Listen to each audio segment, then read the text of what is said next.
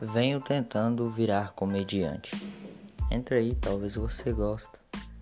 Faço umas piadas, eu mesmo escrevi elas. Então, ah, não custa nada não. Se você gosta de rir um pouco, entra aí, talvez você se diverte.